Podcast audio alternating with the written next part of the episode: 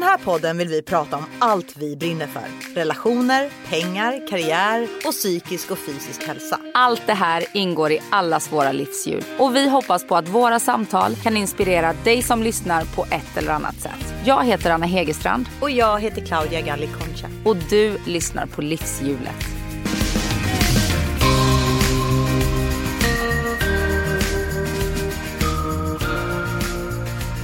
Claudia. Hej Anna! Förlåt, prata om vädret känns ju tråkigt och stift kanske. Men Svennigt. vilket väder! Ja, jag vet.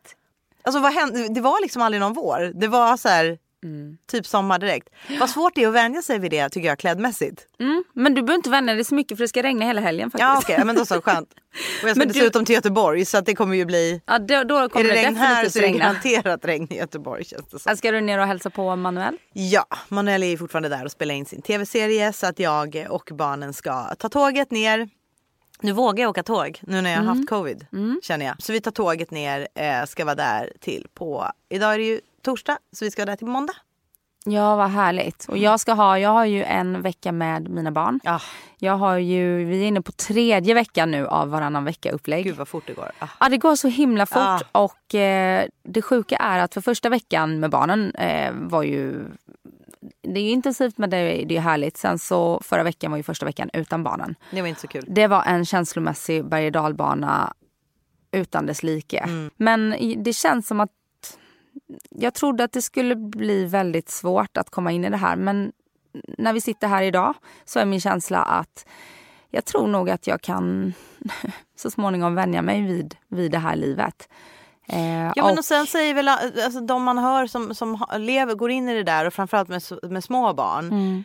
Det är väl så här, alltså, att, att man saknar dem det försvinner ju aldrig Nej. såklart. nej. Men att man vänjer sig vid upplägget någonstans. Så att så här, Det är inte naturligt att vara ifrån sina barn. Det är Mm. Nej, inte det är det Och det, verkligen måste inte. Man ju, det får ju vara så. Det är Mm. inte naturligt. Men det är nödvändigt ju för er. För ni Mm. kan inte längre leva som par och då, då, måste man ju, då måste man hitta den bästa lösningen för alla. Och, och då är ju det här det.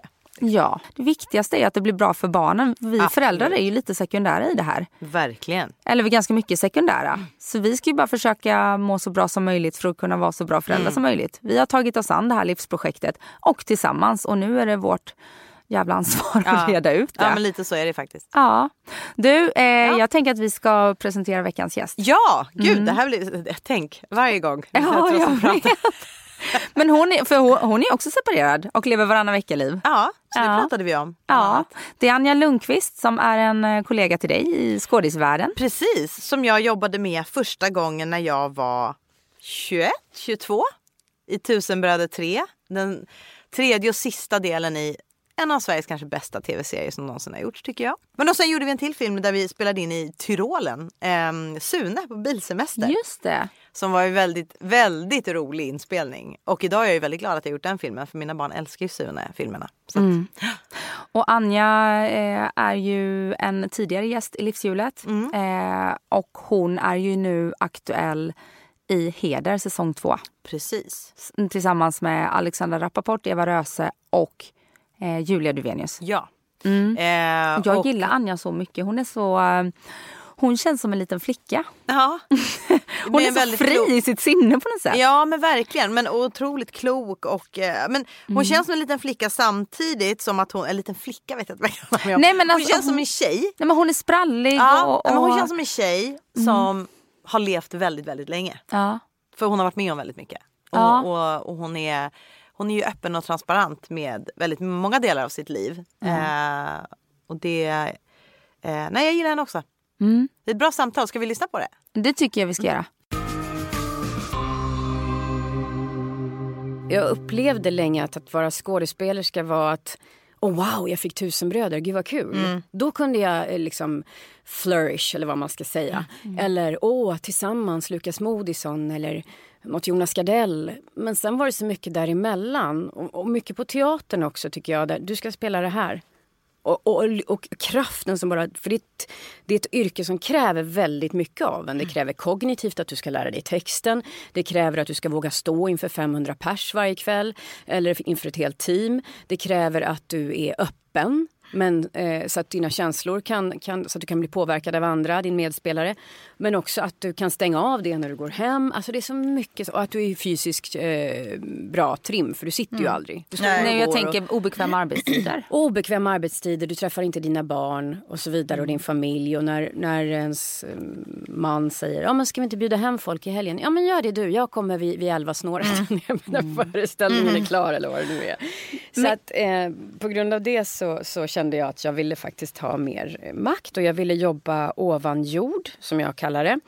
Till exempel jag frågade min dotter en gång när hon var med på teatern, Vill du, skulle du vilja bli skådis? Instängd i en bo- mörk box under Ja. Sergels torg. Det var på Stadsteatern då, som ligger vid Sergels torg. Aldrig i livet mamma! Och tjäna skitlite. så jag kände så här, jag vill göra det som är min passion. Det är film. Det har det alltid varit. Jag går sällan på teater. Jag, jag tittar på film och tv-serier jättemycket. Och eh, då ska jag väl styra skutan ditåt. Och som extra knäck så har jag ljudböcker. Som Just jag det. också älskar att läsa in ljudböcker. Jag tycker det är meditativt, lugnt, skönt, ingen tittar på mig. Så det är som en kontrast till allt det Du är andra. väl en av de som läser mest? Ja, det tror Du jag och nog. Katarina Evelöv. Ja, precis. och några till. Men, Ja, några till, jag läser mycket. Ja. Men jag vet för inför när ni lanserade Heder, Mm. eh, första säsongen så gjorde jag eh, en intervju med dig. Just det. Eh, Just det. Eller alla er. Eh, Vi sågs på eh, Downtown Camper, kommer du ihåg det? Just uppe det. på The Nest där uppe. Ja, ja. Eh, och då pratade ni också om att ja, men vi, är ju, vi är ju fyra kvinnor nu som också har eh, eh, börjat närma oss eh, 50. Ja. De, de flesta av er i alla fall. Eh, och att eh, man hamnar i ett fack som, som skådespelare då. Och att det kan vara svårt, att det finns inte lika många roller. Jag, vet, jag kommer inte ihåg om det var du eller Alexandra som sa det. Att inte behöva stressa över att andra ska välja en utan att man ska kunna välja själv. Ja, precis. Precis så. Exakt. precis så är det ju. Ja. Att, att, ehm, att få spela roliga, spännande roller utan att... För om man ska vänta på att bli uppbjuden till det, it's not gonna happen. Nej. Och det är väl samma för er. Jag känner ju nu att nu är ni yngre än mig. Eh, jag fyller 50 år. Vad, vad är ni? Jag fyller 43 i sommar. Och Ja. 39. Ja, men jag är liksom en generation över er. Och jag tycker att våra två generationer och de under oss, vi känner väl att det bubblar liksom, eller hur? Eh, Det förändras. Ja, vi ja, vi får gud. en annan position i samhället, vi kvinnor. Det är fantastiskt. Både som, jag tror att vi har förstått eh, att vi har en, och, och ma- marknaden har förstås också att det finns en, en köpkraft hos oss. Eh, Och en, en, folk vill se oss, vi vill se oss. Män vill se oss också. Vi har Ja. jättemånga manliga tittare som hör av sig på vad det, vad, det gäller heder. Och tycker det är jättebra. Ung kille som hade sett en liksom, nu har mamma och jag plöjt den två, eh, två gånger. Liksom. En tonårskille, det är ju fantastiskt. Ja, men och varför skulle det inte vara så? Varför har det alltid varit... Alltså det är så naturligt att vi som kvinnor har suttit och tittat på serier med män och män och män och män och män. Men så tänker man så, ja, men då att män ska se en serie med kvinnor. Det är fortfarande idag, man måste, bara, man måste tweaka hjärnan lite till den grejen. Och det är så jävla sjukt egentligen. Ja, och det är lite så. samma sak om man frågar en kille om vad han läser för författare. Mm. Det är väldigt sällan en kille eller man nämner en kvinnlig författare då. Det män som läser Läckberg. Nej. Nej, nej och medan kvinnor läser både män och eh, Ja, ja. kvinnor. Liksom. Ja, men vi är ju starkare som konsumenter också. Både som sändare nu av, någon, av någonting, till exempel Heder eller den här podcasten. Och eh, eh, som mottagare också. För vi kräver mer vad vi vill se och vi har större köpkraft. Vi, vi kvinnor har ju egen ekonomi nu oftast. Om man jämför med förr i tiden. Precis. Ja. Ja men verkligen. Men du, hur, vad, vad händer i livet annars? Förutom heder? Annars i livet? Jag är aktuell med ett hemligt projekt på en annan kanal. Eh, Där så du det är också har jag lite större och roll har typ än- lugg och... Du är mer en skådespelare där också? Ja, eller? precis. Det. Eh, och i livet så skilde jag mig för tre år sedan. Tre och ett halvt till och med. Det kommer jag ihåg för du var ganska nyskild när vi sågs och du, Ja. var, du får inte skriva att jag har skilt mig. Nej, för det var så känsligt då. Vi var så ledsna allihopa. Ja det är klart. Och det var så... eh, ja, men som det är när man ger upp något som man verkligen har kämpat för och där det finns så mycket kärlek och så funkar det inte. Ni var ihop i 17 år Vi va? var ihop i 17 år och fick två fantastiska barn. Och vi tog faktiskt hjälp av eh, terapeuter när vi kände att men gud, det går inte längre. Alltså, trots att vi då hade bestämt oss för att skilja oss så tog vi hjälp i skilsmässan. Det är inte så lätt att bråka hemma eller vara ledsna hemma när det är två barn där. Nej. Men de var ju ganska stora också då. Ja. Så, att, ehm, ja, så det gjorde vi och det hjälpte oss jättemycket. Vi gick i sorgebearbetning och så vidare. Och sen bodde vi ihop ett halvår innan Mm. vi flyttade isär. För man ska sälja lägenhet, man ska Ja, köpa nya, allting. Men jag måste säga att vi har gått igenom en process, jag och mitt, min exman, där vi idag Alltså jag känner sån kärlek för honom och jag tror att han känner den för mig också. Mm. Och vi försöker samarbeta så mycket vi kan. Alltså vi kan samarbeta jättebra så det är inte så. Men ibland är det Fan, vi har inte ringt den här veckan. Du har inte uppdaterat dig vad som har hänt kring barnen. Alltså, man, man måste ibland mötas, man måste sätta sig ner och käka den där middagen ihop för att hinna med och kunna vara ett team. Men gör ni För- det? Ses och käka middag? Ja, det gör vi. Mm. Mm, vad fint. Absolut. Med Bara du och han också eller alltid med barnen eller? Eh, mest med barnen, men då sticker ju de iväg efter när de har fått i sig maten. Så sitter vi kvar en halvtimme och snackar. liksom. Så att, ehm, och han har träffat en ny och jag har träffat en ny. Så att livet går vidare, men vi kommer alltid att vara den här eh, enheten. Vi fyra kommer ju alltid att vara vi. Det finns ju ingen annan förutom han som delar din kärlek till barnen. Nej, På precis. samma sätt. Nej, och det är så himla fint. Och att vårt, vårt mål var verkligen att vi ska vi ska inte vara såna där som inte kan snacka med varandra. Nej. Även om vi hade bråkat rätt mycket. Liksom. Man gör det ju så jävla svårt för barnen. Ja, eller hur? Alltså Man man, ett kan man lösa den eh, knuten så är ju det jävligt bra. Liksom. Ja. Om båda är kapabla till att, eh, Mm. att ta sig an den livsuppgiften, att faktiskt göra det Mm. smooth så är det ju, så är det enklare. Ja. Men jag kan faktiskt, för jag separerade själv för två och ett halvt år sedan. Och då var, hade jag barn som var knappt två och ett halvt och eh, sex månader gamla. Och jag kan ju känna så här att "Åh, vad skönt att vi gjorde det så tidigt. För att då hade vi inte stora barn och deras sorg på samma sätt. Nej. Sen glömmer jag ju aldrig första natten min son sov i min nya lägenhet då som jag flyttade till och han var jätteledsen och ville ju gå hem. Han ville gå och lägga sig hemma. För han kunde inte förstå att det här är ju också ditt hem nu. Och, liksom, och det, det var ju verkligen så här och då kan jag verkligen förstå om man har barn som nej men är tonåringar. Men jag vet att när jag träffade Theo, då, min exman, ehm, så eh, var han den första människan jag någonsin hade känt. Jag vill ha barn med dig. Ja. Och jag, för att jag visste också, jag blev ju kär naturligtvis, men jag kände också att den här mannen kommer aldrig svika sina barn. Nej. Han kommer aldrig lämna dem. Och, och därför så har ju skilsmässan också varit... För ingen av oss är personer som sviker våra barn. Vi Nej. sätter dem först. Liksom. Och det har varit så skönt att det verkligen är så. Men eh, skilsmässan har också inneburit eh, chansen att få bli sådär nykär igen. Ja, det har den. Det, är- det är också fantastiskt. Ja, det är det. Mm. Men vad är skillnaden då? Alltså, eh, eh, jag som lever med, med mina barns eh, pappa och, Ja. och, och, och är ju superkär i honom så jag hoppas verkligen att vi kommer göra det resten av livet. Men vad är skillnaden att, att bli kär då efter man har gått igenom allt det här med, med liksom barn och, och, och men allt det där som du sa när du träffade din exman så var det så här, honom vill jag ha barn med. Nu när du träffar någon i livet så Då är det kanske så här, det den det. här mannen... som Vill jag inte ha med barn. nu. nej, nej, för det går inte. Vill inte är göra den gammal. grejen. Och sen att jag kände att dig skulle jag vilja bli gammal med. Ja, Ja. det är skillnaden. Ja, det är skillnaden. Dig skulle jag vilja liksom uppleva en massa grejer med ehm, som jag faktiskt inte ens vet vad det är. Plus att jag är mognare. Jag är inte avhängig en man längre. Nej. Alltså jag menar inte att ni är det alls eller att du är det Claudia. Nej, nej, nej. fast har man små barn Men- så är man ju mer sårbar i sin livssituation. Ja, plus att jag också hade den bilden av kärlek. Mm. Jag kan tänka mig massvis, tusentals miljoner kvinnor som går in i förhållanden och gifter sig och får barn och vet redan då att de inte är avhängiga en man. Men jag visste inte riktigt det. Nej. Jag var lite så här, gud vi måste liksom alltid se varandra, vi måste alltid prata, vi måste all... Och så måste det inte vara. Men jag fattade liksom inte det. Nej. Idag är jag självständigare. Så att jag kan mer... Oh, oh, gud, det låter så tråkigt, men odla någon slags mogen kärlek. Men den men har en annan det. smak, en annan kulör, en annan, en annan kvalitet än det hade Precis. för mig förr. Men för min, eh, min nya kille, han är ju 11 år yngre än mig och han har inga barn och jag kan inte få fler barn. Så att, men han har inte något behov av det och han funkar jättebra med mina, mina tonåringar. Det känns som en ny fin vuxen i deras liv och det tror jag även att min ex eh, nya kvinna som verkar jättefin, vi har inte träffats än, kan vara också för barnen. Så att, ehm, Mm. Är, du, är ni sambos eller särbos? särbos är Ja. vi. Är det en, kommer ni fortsätta vara det? Ja, ett tag till, tänker jag. Några år till faktiskt. För ehm, ehm, jag tror jag behöver också landa mycket i mig själv. Och eh, barnen behöver bli lite större och välja själva också, Ja. känner jag. Det är så nära nu. Alltså de är ju så pass stora så Ja. att det är liksom. Och det funkar så bra att vara särbos, tycker jag.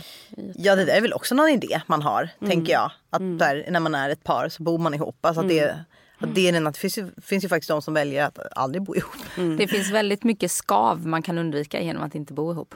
Ja. Men du, hur ser, hur ser en dag i, i ditt liv ut? Du, vad, vad, vad gör du liksom? Det är så himla En, olika. en dag i Anjas liv. En dag Ja. i mitt liv kan vara Hur ser en morgonrutin ut? Vi börjar där. Vaknar av att min dotter som är som min mor. Eh, morgon, jag är också morgonpigg men hon är... Eh, jag och min dotter skulle gå till tunnelbanan en gång så sa hon, jag stressade, vi måste skynda oss. Och så sa hon så här, eh, men du har väl kollat i SL-appen mamma? Eh, du har väl SL? Ja jag har den. Men har du kollat när tunnelbanan går? Nej det gör jag aldrig. Alltså, och hon kollar alltid när tunnelbanan går.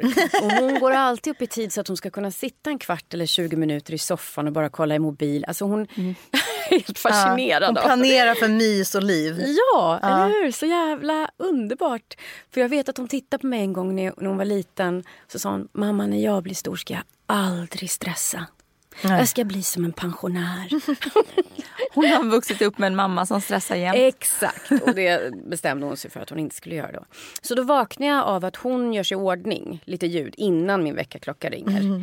Eh, och sen har vi en sån lösning i lägenheten att min son har en skjutdörr in till mitt rum och för att komma ut i lägenheten så måste han gå genom mitt rum. Jag vet inte, den var så när vi köpte den. Och han måste även gå in när han har varit ute med sina kompisar. så Exakt, så känner... måste han gå igenom mitt rum. Om det Kontrollant luktar rök. vara där. Precis, får jag lukta på dina fingrar? Blås på mamma. Eh, nej, men så att, eh, och sen så väcker jag honom. Han har ett uselt morgonhumör. Han är arg och sur som ett bi. Eh, jag ska inte någon frukost. Gå ut! Släck lampan! Ja, och sen så ehm, kommer väl han och jag, Alia sticker iväg, sen kommer Jona och jag iväg ungefär samtidigt om jag ska åka in och läsa in ljudbok. Och då åker jag oftast till Hornstull och läser in. Ehm, och sen kommer jag hem, lagar middag som jag är usel på. Jag är så dålig på att laga mat så att det är ett skämt. Mina barn skrattar och gråter var och varannan Vad, dag. vad lagar du för mat då? Igår gjorde jag entrecote med potatisgratäng. Då hade jag köpt fel potatisgratäng. Jag hade köpt den med svamp i så jag fick stå och spilla ut svampen. Köpt sen- pota- alltså, ja, för typ Felix Köpt. potatis. Ja, sån här som man klämmer ut ur en påse. Inget annat. Ja, Men entrecote, det var ju ändå avancerat Ja, kött. blev helt okej. Helt okej, måste jag säga. Men jag hade glömt, alltså det är sådär, jag hade glömt köpa vitlökssmör och jag orkade inte göra eget vitlökssmör. Så att all den här finessen som gör en maträtt god, riktigt god, den orkar jag inte eller glömmer eller vet inte hur man gör. Nej. Så det är det där liksom. Sen finns det ju några rätter där jag har lärt mig det där. Spagetti med köttfärssås gör jag en supergod till exempel. Ja. Och paj kan jag göra och så skinkpaj. Supergod. Men, eh, nej, men det är inte riktigt min grej. Sen efter det städade jag undan det. Eh, och där tänk, jag tänker ofta på nu för tiden hur när jag och min man hade fått barn, var i 30-årsåldern och vi hade ingen diskmaskin. Och vi kämpade om vem som skulle diska och vi lämnade disken i två dagar för ingen orkade. Alltså det här, och hur effektiv man blir ju vuxnare man blir. Gör det nu, där, där, där, där. Man bara betar av. Även om det tar en halvtimme med alla kvällsstädningsgrejer som man håller på med. Och plockar undan och allt det.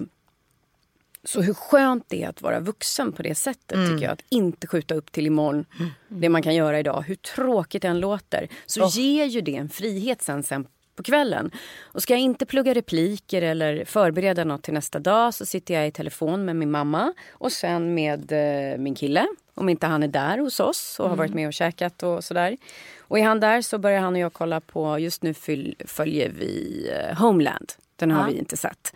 Och innan så plöjde vi Sopranos för den hade vi inte heller sett. Så Ja, vi har så bra. här långkörare. Alltså, Sopranos är Ja. bäst. Ah, Sopranos är den bästa serien. Jävla bra. Så mycket existentialism, humor Ah. och så sorgligt och så här spännande. Ja. Ja. Och jag önskar att jag kunde ha ro och titta på tv. Jag tittar på svenska serier. Jag Du hade ju gjort en jävligt bra sopranofru alltså, i svensk Jag version. älskar ju Carmela. Ja, men du hade ju varit en perfekt ja, men Carmela. Varför blir det inte en tusenbröder fyra? Ja. Kom igen Det är SVT. sårets frö nu. Ja men kom igen Du som tar SVT. ansvar Ja, för din egen skrev- han skrev ju en, en säsong fyra för typ sju år sedan eller Ja. någonting. Men då ville SVT inte göra tio avsnitt. Man ville bara göra vad det nu var. Men, Mm. Så att, eh, men nu gör man ju tio avsnitt av Tunna blå linjen och så. Så varför inte köra Tusenbröder? Eller om någon lyssnar från någon annan kanal så tycker jag att ni ska plocka upp det om Lars Lundström vill skriva det. ja. Men, men är det en dag när jag ska filma så kanske som förra veckan. Eh, då ringde klockan eh, 04.00.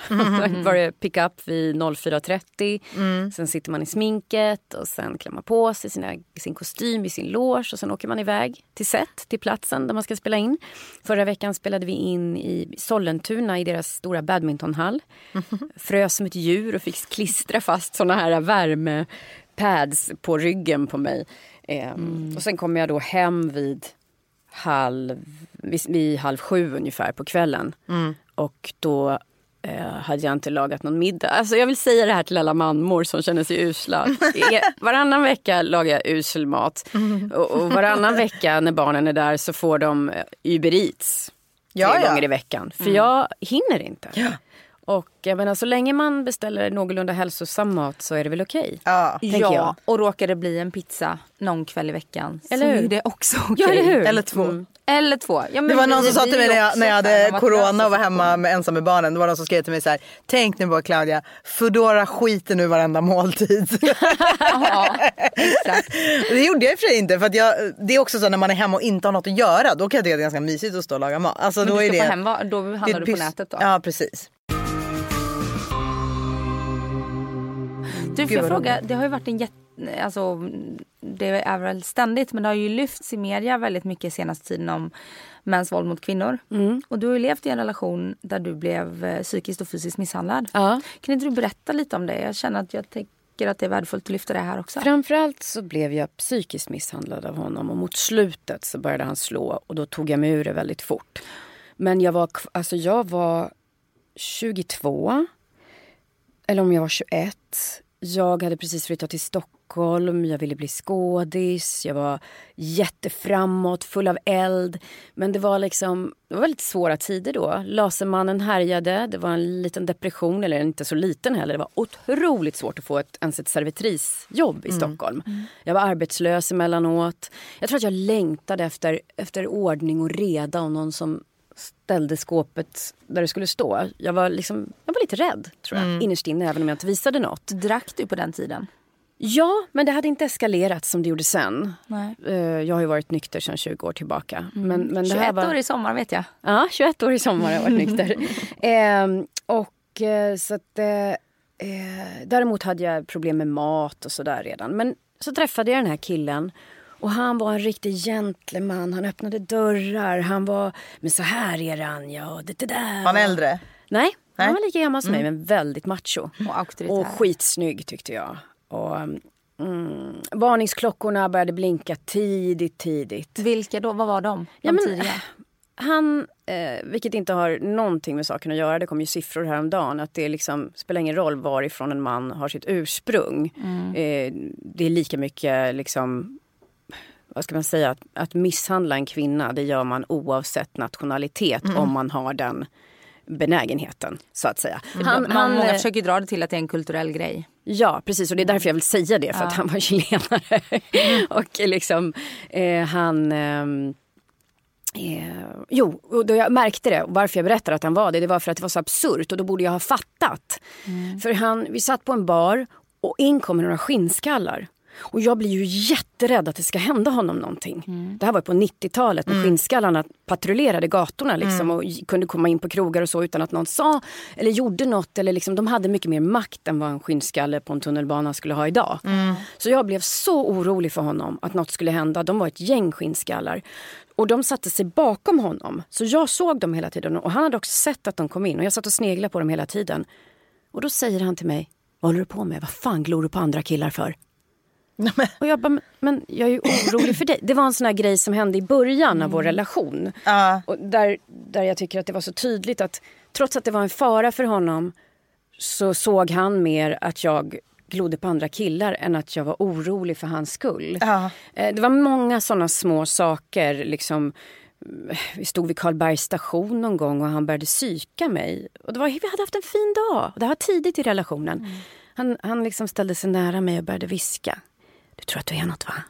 Mm, du tror att du är något? Och det var en sån sak som jag har fått höra så länge jag lever. Av tjejer. Du tror att du är något? Ja, jag trodde nog fan att jag var något. Så här i efterhand. Ja. Jag gick stolt, jag var gammal gymnast och liksom jag tog för mig. Jag var inte blyg för killar. Massa grejer som många andra inte tyckte om. Ehm, så att jag alltid, eller hade fått höra i högstadiet av äldre tjejer och sådär. Du tror att du är något va? Du tror att du är något? Och jag hade alltid svarat nej. Istället för att säga ja. Och samma sak hände då nu när han började, du tror att du är något, du tror att du är något. Det var helt oprovocerat. Helt oprovocerat. Och det här låter ju som så lite men det, var, det här var varningssignalerna. För det börjar ju alltid med Men små psykisk grejer. misshandel är ju liksom, börjar ju så långt tidigare än vad man tror att Ja psykisk exakt, misshandel det börjar i små grejer liksom. verkligen. Fan, du är inte så bra på att diska va? Du har inte lite djup urringning. Alltså det är massa små grejer hela dagarna i ända som man som är så små så att man, nej, nej, säger man istället för vad sa du så för? Ville du att jag skulle bli glad av det du sa nu eller ville du att jag skulle bli Precis. ledsen? Men det frågar man inte när man är 21. Nej. Inte fan Och har kär. man. Det spelar ingen roll hur tuff och cool man är tror jag. heller. Nej, man blir ställd av någons vilja att såra. Vilket gör att man, Man man, vill inte se den. Nej. Nej. Man tänker så kan det inte vara och man vill inte se den så man hasplar ur sig ett litet skratt och sen så går man vidare. Och till slut har- samlas allt det där på hög och till slut är man krossad. Men då i alla fall, eh, var var jag någonstans? På tunnelbanan. Ja just det, och du tror att du är något, du tror att du är något. Nej jag är ingenting, nej jag, jag tror inte att jag är något tills jag börjar gråta. Och han höll på, han sa det säkert hundra gånger och tryckte upp mig mot ett hörn. Och, och sen så, så tänker man ju efterhand att jag borde sagt ja, jag är något. Du kan dra åt helvete, det är du som inte är något. Eller som vad gör behandlar. du? Varför Vad håller du på så? med? Och gå, men så blev det ju inte. Så, så slutade med att jag, om man då ska dra det snabbt, jag slutade med teater. För att han, eh, slog ner, han omringade en motspelare till mig med sitt killgäng. Och de slog ner honom. Jaha, Eh, svartsjuk ja. Ja, eh, han, vi var ute och dansa. En kille råkade dansa för nära mig. Killen fick stryk. Det var fruktansvärt för mig. Att han gjorde de här sakerna. Och Jag protesterade och jag bråkade och jag sa emot. Men till slut så också flyttade jag in i hans familj. Och jag bad dem att få betala för mig. Det fick jag inte. Nej, du behöver inte betala. Vi tar hand om dig. Och han började anklaga mina föräldrar som har aldrig en minsta tills. Vi har bott med alla nationaliteter, både på, i Uppsala där jag växte upp, med eh, grannar från hela världen. I, i USA hade vi grannar från hela världen. Jag har haft pojkvänner från alla möjliga länder. Liksom.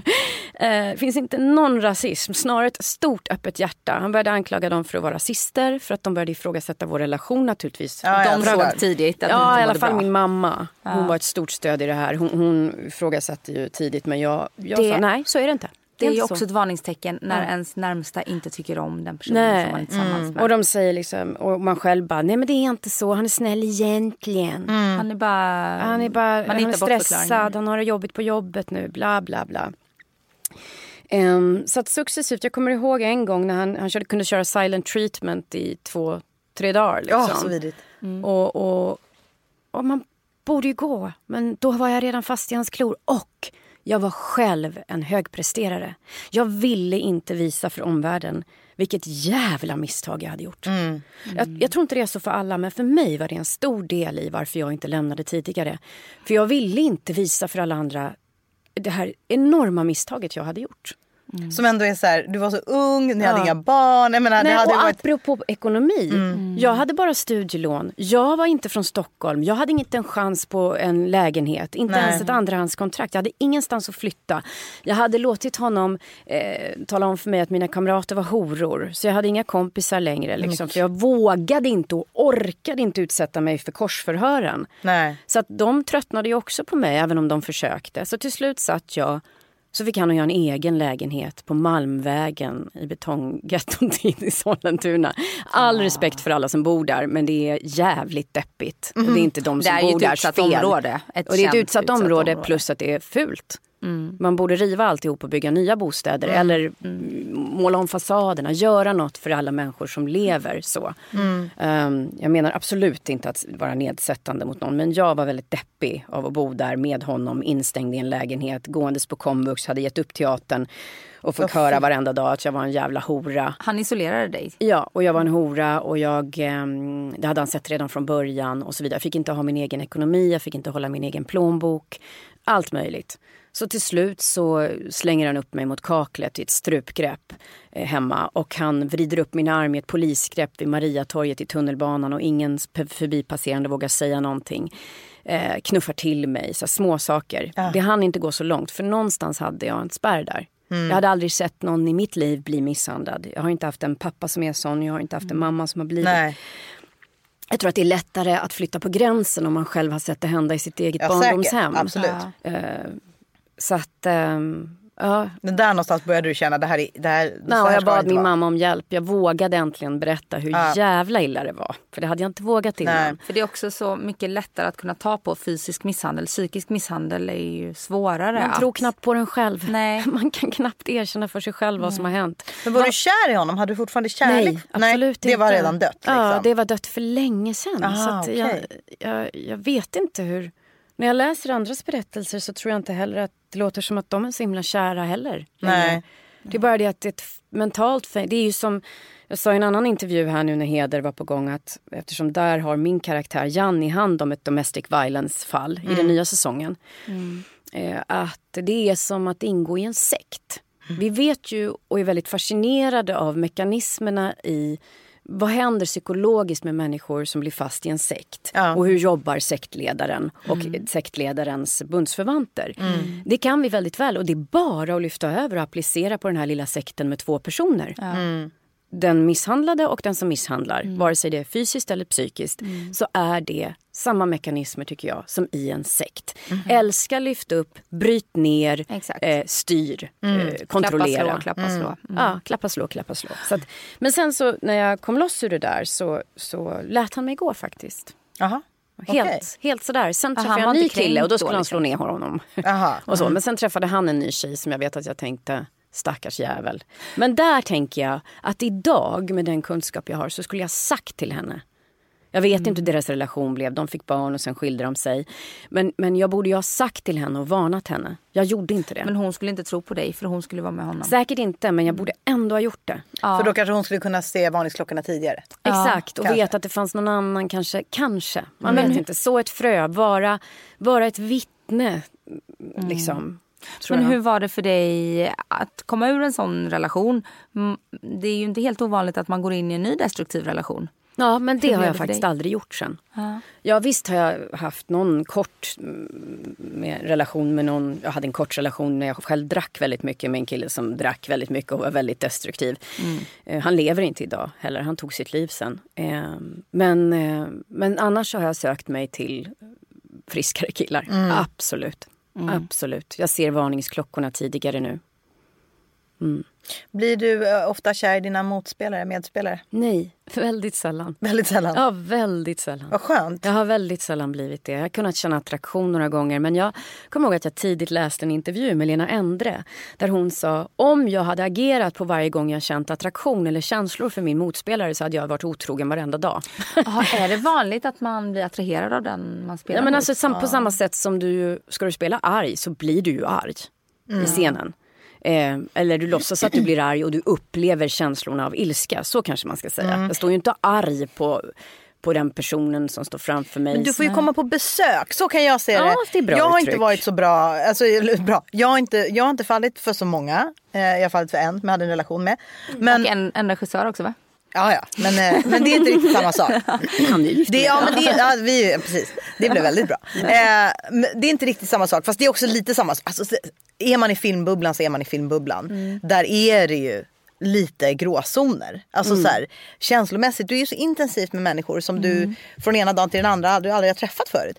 Men det som händer som jag, som jag kan se med de eh, kompisarna och kollegorna jag har som ofta faller.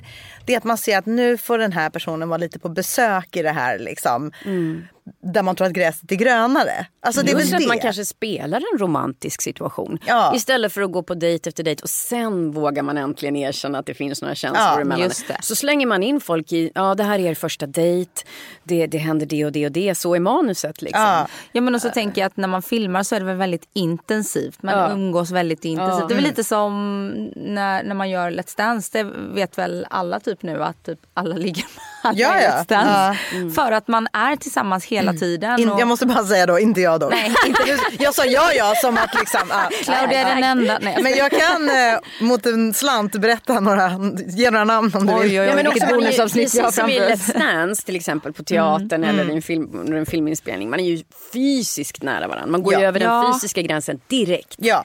Man ska spela ett par som har känt varandra i tre år och så har de sex, eller liksom Ja. vad som helst. Och sen off camera då så kanske man sitter tillsammans på kvällen och eh, käkar lite, dricker ett glas vin. Ja. Och, alltså så här, jag kan ju förstå. Men det, blir är ju såklart en kollo. miljö som... Jag menar det är som så här, folk som har vanliga inom citationstecken jobb, kontorsjobb.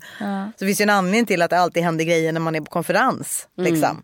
Alltså det är ju lite samma sak, vi är på konferens hela tiden. Ja, I alltså jag våra tänker på yrken. konferens, jag har aldrig varit på det, men jag tänker att då kanske man gör lite så här äh, hinderbanor Ja. eller man svettas ihop, man kör någon tävling Ja, eller man dansar limbo, liksom. Och man delas in i olika grupper Ja. Mm. och man har druckit lite och liksom Lite så är det för oss också fast vi inte dricker lika mycket i den här Nej. branschen längre. För det gör Och vi det börjar klockan sju på inte. morgonen i sminket eller Ja. sex på morgonen i sminket.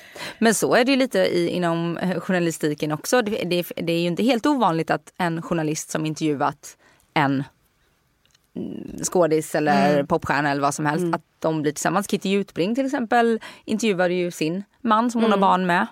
Eh, och sen blev de ett par. Så att, och det är många som har frågat mig, så här, har du aldrig haft någon så här fling med någon Mm. som du har träffat genom jobbet? Men, och det har jag faktiskt inte. Eh, Du han, sa ju att du blev lite kär i Charlotte Perrelli när du... Ja, vi hade en liten fling. Sen kom hennes man i vägen. Nej men, men, eh, nej men, eh, och det har jag inte. Däremot så har jag blivit uppvaktad av ett par personer jag har intervjuat. För det, det som sker i situationen är att jag som, Äh. jag är ju som kvinna Intresserad. ja, av dem. En man älskar ju att få liksom bli sedd. Generaliserar vi lite här Ja, Anna. och Men... du, men du pratar Ja, ju också om personliga saker. Det är aldrig någon kvinna som har uppvaktat mig. Så att, ja, ja. men exakt. Och Precis som en terapeut ju. Ja, det är lite terapisamtal. Terapi kan man, många blir ju kär i sin terapeut också. Och man, men- Någon ställer personliga frågor, man får bli sedd, strålkastaren Man skrattar ihop, man gråter ihop. Alltså, Det är ju alltid där när man tar de här genvägarna över de här liksom, känslorna som tar mycket tid i början om man träffar någon på ett vanligt sätt. Kallpratet. Ja, men kallpratet, hej, är det allt dig det, då? det man bara det choppar bort det liksom. Ja men precis. Och sen ja. just så spelar man just kärlekspar så är det ju, alltså det är ju väldigt lätt att här, fantasin drar iväg. Så här, men gud, tänk om det här var på riktigt. Alltså hur skulle vi... Jaha, och så lever man i så här. Alltså det, är, det är inte så konstigt eh, att det blir så. Jag, är dock, jag är dock väldigt glad att jag varit att jag inte har fallit eh, för det så många gånger. För jag tror att det blir ganska jobbigt. Jag tror det blir jättejobbigt Ja. också eftersom sen är produktionen klar. Ja. Sen, eller sen har ni spelat klart era 90 föreställningar och kysst varandra varenda kväll och så Mm. plötsligt är det bara vanlig verklighet och då kanske det inte alls är en person som du eh, känner någonting för eller Nej. kan, kan, kan kommunicera bra med eller vad det nu är. Nej, det, det är bra att man har hållit sig lugn. Hållit oss på Jag, jag skulle nog inte klara av att vara skådis. Jag är så sjukt känslosam och impulsstyrd. Men det vore kul att få gå och vara, liksom, få se behind the scenes någon gång. Jag har aldrig varit på det en är inte så kul. Det är inte så kul ska jag säga. det? Nej, och idag tror jag när telefonerna har kommit. Alltså folk sitter ju med sina telefoner. Mm. Det är typ det som händer faktiskt. Jag älskar att vara i filmfamiljen. Det är därför jag liksom har gått över till att producera. För att jag älskar att skapa filmfamiljen och vill, lever liksom vara i produktion jämt. Det är det bästa jag vet. Mm. Och det då är får du bästa vara jag med. vet. Slipper du ha tråkigt roligt. för då får du vara med i alla delarna. Allt ifrån att komma på morgonen, dricka morgonkaffet och så här. Men däremot så tror jag att komma på besök är inte så... Dels är det en ganska sluten liten bubbla, den bubblan som är. Det är ju som att komma in och göra en, en roll, tre, ha tre dagar i någonting. Det är inte, om man känner folk sen innan så kan det vara kul. Gör man inte det så är det oftast inte så kul tycker jag. Nej. Tycker du det? Hur, hur känner du för de här små inhoppen? Ja men det kan vara väldigt Kanske du olika. inte gör dem så ofta Jo men förr gjorde jag ju det. Ja. Så att, vad heter det? Jo men då måste man ändå ha en rolig uppgift. Har Mm. man inte en rolig uppgift så är det alltid tråkigt. Och sen är det ju alltid roligare om man känner några. Men jag kommer ihåg jag skulle göra en grej i en utav alla polisserier där jag hade en så här um, en stor roll i ett i två avsnitt, ni vet. Just eller, ja. eh, ja, ni vet. Någon som det händer någonting. Den som vars make blir mördad eller Just något det. sånt där. Och eh, kom in och skulle få se honom, liksäcken öppnas. Jag kom sist på dagen. Eh, och, teamet, och det är fredag och alla bara snart är det fredag! Och jag ska stor, börja storgråta. Gud, här- se min man ligga där. Och jag blev så jävla arg kommer jag ihåg. Så Ah. att jag fick gå ut till liksom ljudkillarna och bara, jag, hatar alla här, vilket jävla team! Som bara står och skriker att det är fredag när jag ska, jag ska leverera här. Liksom. Så att det är svårare att komma, komma som gästskådespelare, absolut. Det, Det krävs är ju det som är lite svårt med, med, med skådespeleri överhuvudtaget. Att det är så här, på samma sätt som man firar fredag på, i ett team så gör man ju det. Alltså, i, Ja. Eller på ett kontor så firar man det även i ett team. Ja. Och då ska man helt plötsligt stå och göra den där scenen som Mm, är liksom. Ja, det är, inte, det är ingen lätt uppgift du har Anja. Nej. Fake it till you make it säger jag. Ja, fake it till you make it. Jag skulle kunna prata med er i flera timmar till. Ja men, Ja, men vi får komma verkligen tillbaka. detsamma. Herregud. Ja. Hade, hade vi inte haft eh, ett gäng som står här utanför och, Och skrapar med foten. ja, så hade vi kunnat sitta här mycket längre. Men vi är så glada att du ville komma och gästa Jag är oss. så glad att jag fick komma hit. Tack. Ja, tack och lycka till med det nya projektet. Det, när det börjar pratas om då får du komma igen. Ja, Ja, verkligen. Varmt välkommen tillbaka och lycka till med allt. tack. Det var den här veckans avsnitt och tack bästa ni för att ni har lyssnat på oss. Och fortsätt gärna hänga med oss på Instagram där vi heter Livshjulet med Anna och Claudia. Har ni något ni vill prata med oss om, önskemål om gäster eller teman så skriv till oss där för vi svarar på allt. Och så hörs vi nästa vecka. Puss och kram. Puss och kram!